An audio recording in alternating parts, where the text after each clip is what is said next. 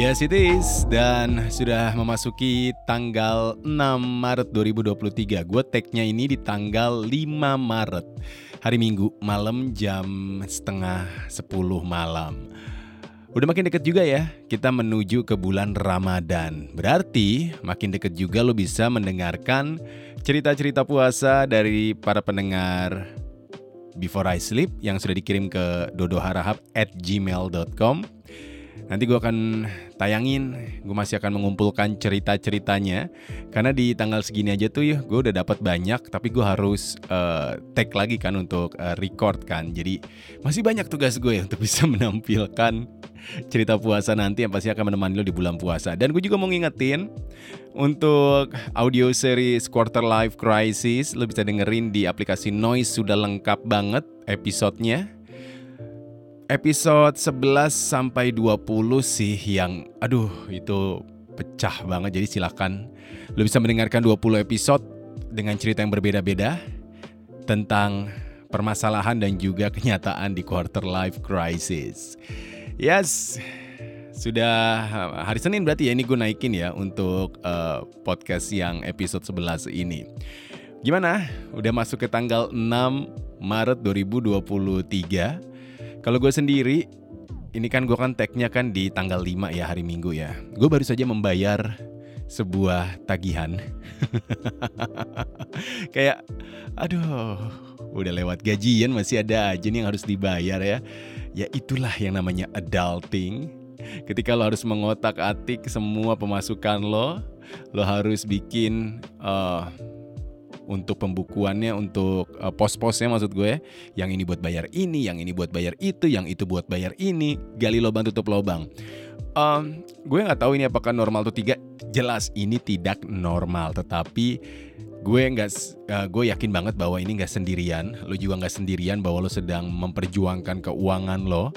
Karena memang selama ya yang kita ketahui dari tanggal 20 uh, dari tahun 2020 maksud gue sampai 2022 kan kita emang dibikin gak jelas banget ya. Ya bersyukur aja sih memang buat lo yang pekerjaannya atau uh, gajiannya lah. Nggak ada potongan-potongan. Nggak ada yang dirumahkan dan lo masih mendapatkan bayaran full walaupun memang WFH atau kerja dari rumah, that's good. Lo harus bersyukur dengan uh, kelebihan atau juga gue sih bilangnya sebuah uh, privilege yang lo dapetin karena memang banyak banget tuh yang kehilangan uh, pekerjaan, kehilangan gajinya sebagian atau bahkan malah memang kehilangan semuanya. Nah, di sinilah yang bakal gue bahas di episode 11 ini. Gue cuma mau nanya sama lo. Gak usah punya atau enggak, satu aja lo jawab. Pernah nggak lo pakai pay letter? Before I sleep. Gue inget banget ya, zaman sekolah dulu tuh uang jajan gue tuh ngepas banget.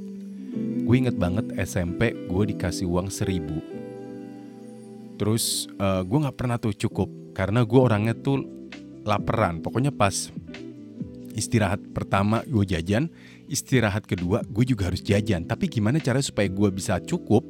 Ya berarti kalau duit gue udah habis, berarti gue resikonya adalah pulangnya harus jalan kaki yang which is jaraknya jauh banget. Sampai kadang-kadang gue nebeng sama mobil pick up.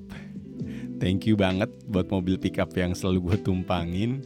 Dan ternyata itu juga berulang bahwa zaman kuliah itu gue ternyata tidak cukup sampai akhirnya gue tergerak untuk gue kayaknya harus kerja nih. Gue nggak bisa cuma kupu-kupu ya. Inget kan? Ya oh, apa namanya? Istilah zaman dulu kupu-kupu kuliah pulang kuliah pulang. Nah itu tuh gue nggak bisa tuh. Akhirnya gue memutuskan untuk bekerja. Percaya atau enggak pertama kali tuh gue tuh ngelamar bukan ngelamar sorry. Gue iseng masukin uh, untuk magang di dulu ada namanya TV7 sebelum berubah jadi Trans 7 nah TV7 ini kantornya itu yang sekarang Intiland. Gedung Intiland yang ada di seberang dari Sampurna Strategik Jalan Sudirman Jakarta. Gue dipanggil interview dan gue langsung dapat meja sebagai PR waktu itu. Gue magang tapi digaji. Nah terus gue ngomong dong sama HRD-nya e, kak sorry banget gak, bukan yang nggak mau menerima tawaran ini, tetapi memang saya ada tawaran lagi abis ini harus ke radio, harus interview. Ya udah dari situ gue menolak dan gue mengambil tawaran radio. Jujur waktu itu keinginan besar gue yang paling besar adalah untuk bisa bekerja di radio. Gue nggak tahu sih kalau dulu gue berpikirnya bahwa gue butuh duit nih.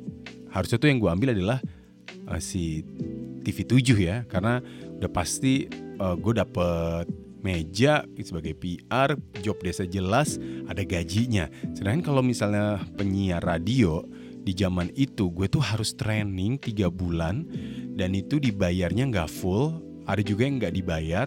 Dan itu kan duitnya kecil banget ya. Jadi kan kayak, lah lo kenapa nggak ngambil yang udah ada sih di TV7 Tapi gue nggak tahu kenapa gue ngambilnya radio. Dan setelah itu TV7 diambil Trans 7 Diambil Transcorp jadinya Trans 7 Ya kan gue langsung kayak oh oke okay, yaudah deh. Emang gue bener kayaknya ya dia uh, ngambil di radio.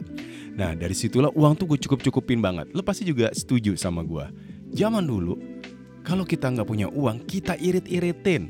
Kita cukup-cukupin banget. Sampai sampai sekarang ini ya tuh gue punya permasalahan ketika lagi nunggu invoice cair. Permasalahannya bukan karena gue uh, kehabisan uang ya, enggak. Tetapi permasalahannya adalah invoice ini yang dijanjikan ini kan selalu bilangnya 14 hari kerja. Which is, kalau Sabtu Minggu itu nggak dihitung. Sedangkan gue dapat informasi terbaru kalau ketika Harpitnas ini sama Menparekraf ya Bapak Sandiaga Uno yang ingin mencanangkan Harpitnas mau dijadikan libur nasional. Yang efeknya adalah tadinya nih kita cuma punya seminggu itu tanggal merah cuma Sabtu Minggu ya. Tiba-tiba ada Harpitnas nih. Kamis libur, Jumat masuk, Sabtu libur. Nah mau gak mau kan tuh dijadiin libur nasional Jadi Kamis, Jumat, Sabtu, Minggu tuh akhirnya menjadi hari libur nasional Bo Lu kebayang gak sih yang nungguin invoice kayak gue? Akhirnya tuh kan gak diproses-proses ya, jadinya kan termundur, mundur dua hari. Karena menurut gue emang kalau kebanyakan libur tuh, gue gak tahu sih lo setuju atau enggak ya. Kalau kita kebanyakan libur di setiap minggu gitu ya. Ada deh tuh waktu itu deh ya, minggu pertama libur, cuma masuk hari uh, apa ya Rabu atau Selasa gitu. Setelah itu libur, dar gitu sampai hari Minggu gue tuh ngerasa kayak nggak produktif. Terus gue juga ngerasa kayak invoice gue tuh lama banget cairnya anjir. Kayak aduh bisa nggak sih nggak usah berdasarkan dengan tanggal merah. Karena gini alasannya gue paham sih alasannya Menparekraf kita Bapak Sandiaga Uno ini menjadikan Harpitnas sebagai hari libur nasional itu adalah untuk menggalakkan kembali pariwisata Indonesia. Jadi kalau lu udah happy nih, Harpitnas bakal dijadikan uh, menjadi ha, tanggal merah hari libur nasional, itu diharapkan memang lu nggak nggak usah di rumah aja, lu nggak boleh di rumah aja. Lu diharapkan untuk jalan-jalan, coy. Ya lu harus jalan-jalan which is ke Jogja atau juga ke Bali atau mungkin lo ke Bandung, Bromo, ya kan Borobudur, Danau Toba gitu kan. Karena memang itu tujuannya supaya menggerakkan pariwisata Indonesia. Ya udah, ujung-ujungnya adalah kita butuh duit. Back to the topic ya. Yang namanya memang mengatur keuangan sampai segitunya. Sampai Menparekraf kita aja mencanangkan yang namanya Harpitnas bakal dijadikan sebagai hari libur nasional. Nah kita balik lagi nih tadi ngebahasin tentang cara ngatur duit zaman dulu tuh emang udah dipaksa-paksain banget. Nah ternyata saat ini gue merasa ya, gue nggak tahu lo merasa atau enggak. Apa kalau sama sama gue? Ternyata dengan adanya kemudahan saat ini kita tuh jadi terlalu lembek atau longgar dalam beberapa hal, terutama dalam masalah keuangan.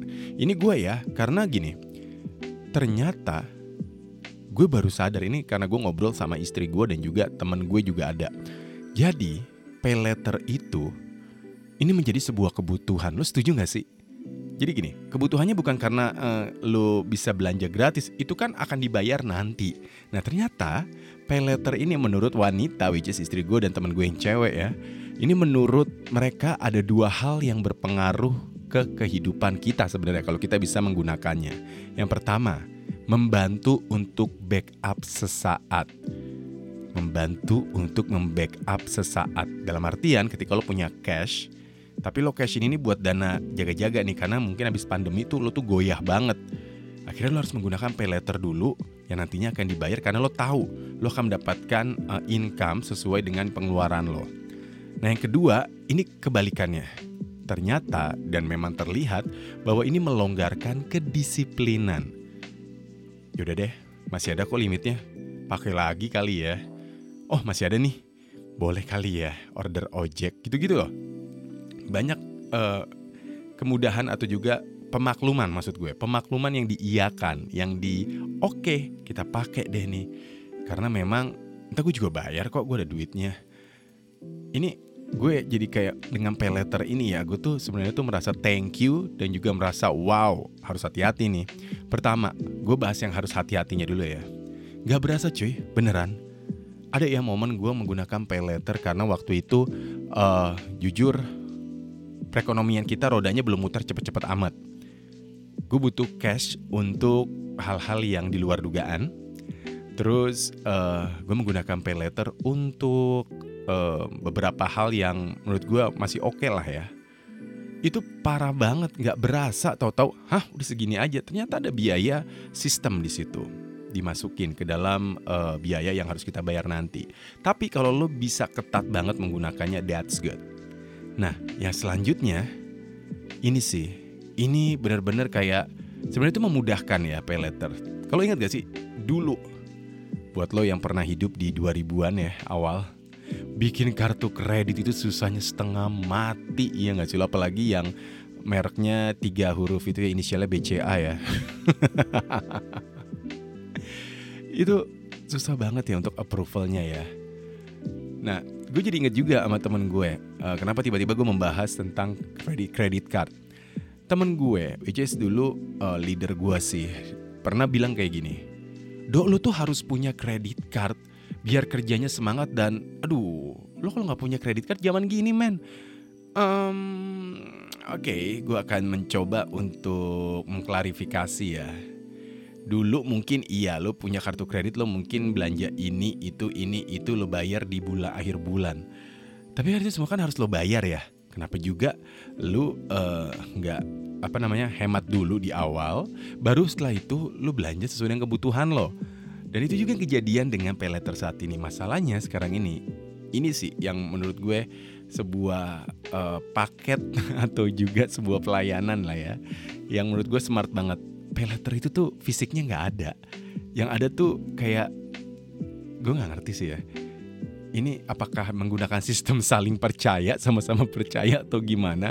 Gue yakin banyak juga copy letter yang nunggak kayak gue yakin gue tahu dan gue gue memaklumi dan gue mengiyakan itu ada. Tetapi memang akhirnya dengan yang awalnya kita punya kredit card terlihat keren terlihat wis lu bayar Starbucks ngeluarin BCA card tuh atau uh, eh, BCA Batman lo tuh zat gitu ya. Lo, lo gesek tuh keren banget. Tapi sekarang jujur kalau gue sih enggak. Kagak lo apa apa kartu kredit? Enggak gue apa?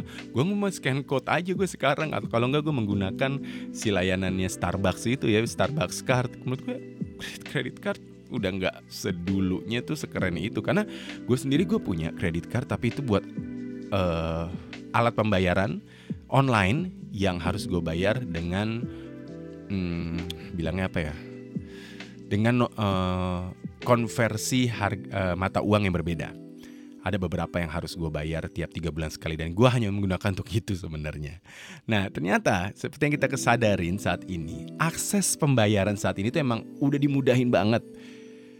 Gue inget banget ya, pernah beli air mineral di supermarket, ternyata bisa pakai kredit card atau pay letter tanpa minimum order atau minimum pembelanjaan. Lu misalnya harga, harganya tujuh ribu nih udah lu bayar tuh kartu kredit bisa atau lu lu scan pakai pay letter bisa dan gak ada batas minimum. Eh dan ya menurut gue ini kayak ini sebuah hal yang bagus atau enggak ya? Gue nggak tahu sih menurut lo ini adalah hal yang baik atau tidak? Bahwa ketika lo berbelanja lo nggak perlu ada minimum order atau minimum payment untuk bisa membayar kayak gue membayar 7000 untuk sebotol air mineral menurut lo itu sebuah akses yang menguntungkan atau bagaimana? Lo bisa komen di kolom komentar bawah ya untuk yang di Noise atau di Spotify. Karena menurut gue ya, kemudahan bertransaksi ini akhirnya yang tadinya mudah menimbulkan keribetan atau kesulitan untuk membayarnya karena saking semuanya dibuka aksesnya. Lo bisa jajan ini bayar dulu gesek. Lo bisa bayar ini apa jajan ini scan dulu ntar baru bayar. Sampai akhirnya lo nggak sadar tuh das nominalnya segitu. Jatuh temponya misalnya tanggal 1 ternyata lo gajiannya diundur tanggal 2 atau tanggal 3 Lo kelar nggak sih kayak gitu?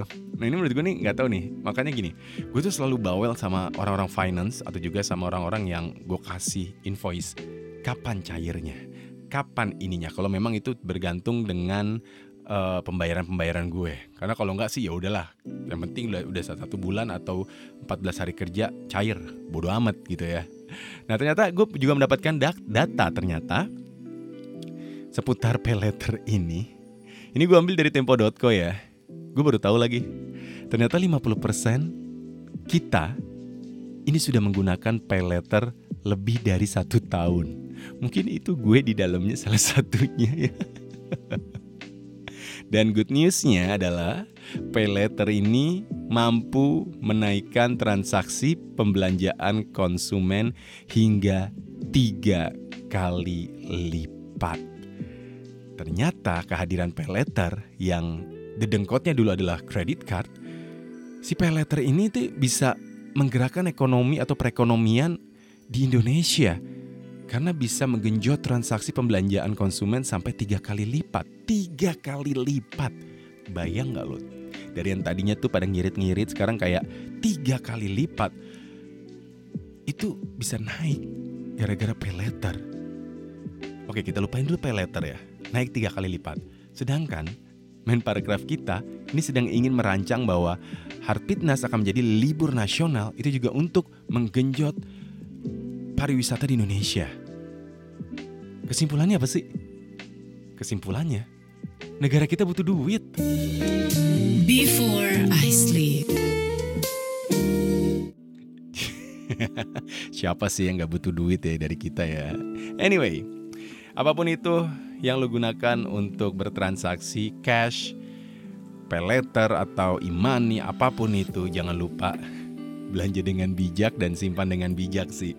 Karena uh, ada sih memang beberapa dari teman-teman gue yang akhirnya dia tuh bisa melepas atau terlepas dari yang namanya pay letter dan juga kartu kredit. Yang pasti pay letter Kesimpulannya adalah meningkatkan daya beli untuk masyarakat. Apa pun itu yang mau lo beli silakan beli. Karena gini menurut gue tuh ya kalau gue gue gue pernah ada di titik ini. Nggak tahu sih lo pernah nggak ya? Gue pernah ada di titik gue nggak jajan gue nggak beli apa-apa. Dan rezeki gue di situ-situ aja. Bukan rezeki sorry sorry. Pemasukan gue di situ-situ aja. Tapi ketika gue konsum konsumtif kayak gue uh, beli ini beli itu hal-hal yang kecil ya gue mensupport uh, jualan orang gue beli ada aja cuy yang namanya pemasukan asli. Gue nggak ngerti sih sama hukum hukum hukum kayak gitu ya. Apa hukum timbal balik gitu ya. Tapi yang pasti untuk saat ini sih ketika lo berbelanja atau temen lo yang lagi belanja udah lo anggap aja lo lagi ngebantu orang untuk menggerakkan perekonomiannya. Setuju ya? Thank you banget buat lo yang sudah mendengarkan episode ke-11 Before I Sleep. Dan semoga pay lo cepat lunas. Gue doain amin Jangan lupa untuk ikutan cepu cerita puasa. Gue masih buka untuk lo yang ingin bercerita tentang apa pun Yang pernah terjadi di bulan puasa tahun lalu. Atau mungkin lo mau ngirimnya nanti aja setelah seminggu puasa. Nih atau lo ada kisah Lo boleh ceritain apa pun itu Gue akan bacain. Dan gue gak bakal menjudge lo dan juga mengkomentari lo. Silakan untuk email di dodoharahap at gmail.com Dan silakan juga untuk mendengarkan audio series gue before uh, before I sleep itu. Quarter life crisis maksud gue. Udah ada 20 episode silahkan ke noise meluncur. Jangan lupa juga untuk komen untuk hal-hal yang mungkin pengen lo komentarin drop langsung aja di komentar bawah di aplikasi noise atau juga di Spotify. Kita ketemu lagi di episode uh, selanjutnya episode 12 so thank you sudah mendengarkan dan sudah sama-sama saling berpikir setelah beraktivitas. Kita ketemu lagi di episode selanjutnya. Selamat istirahat, selamat tidur, and see you in the next episode. Bye. Before I sleep with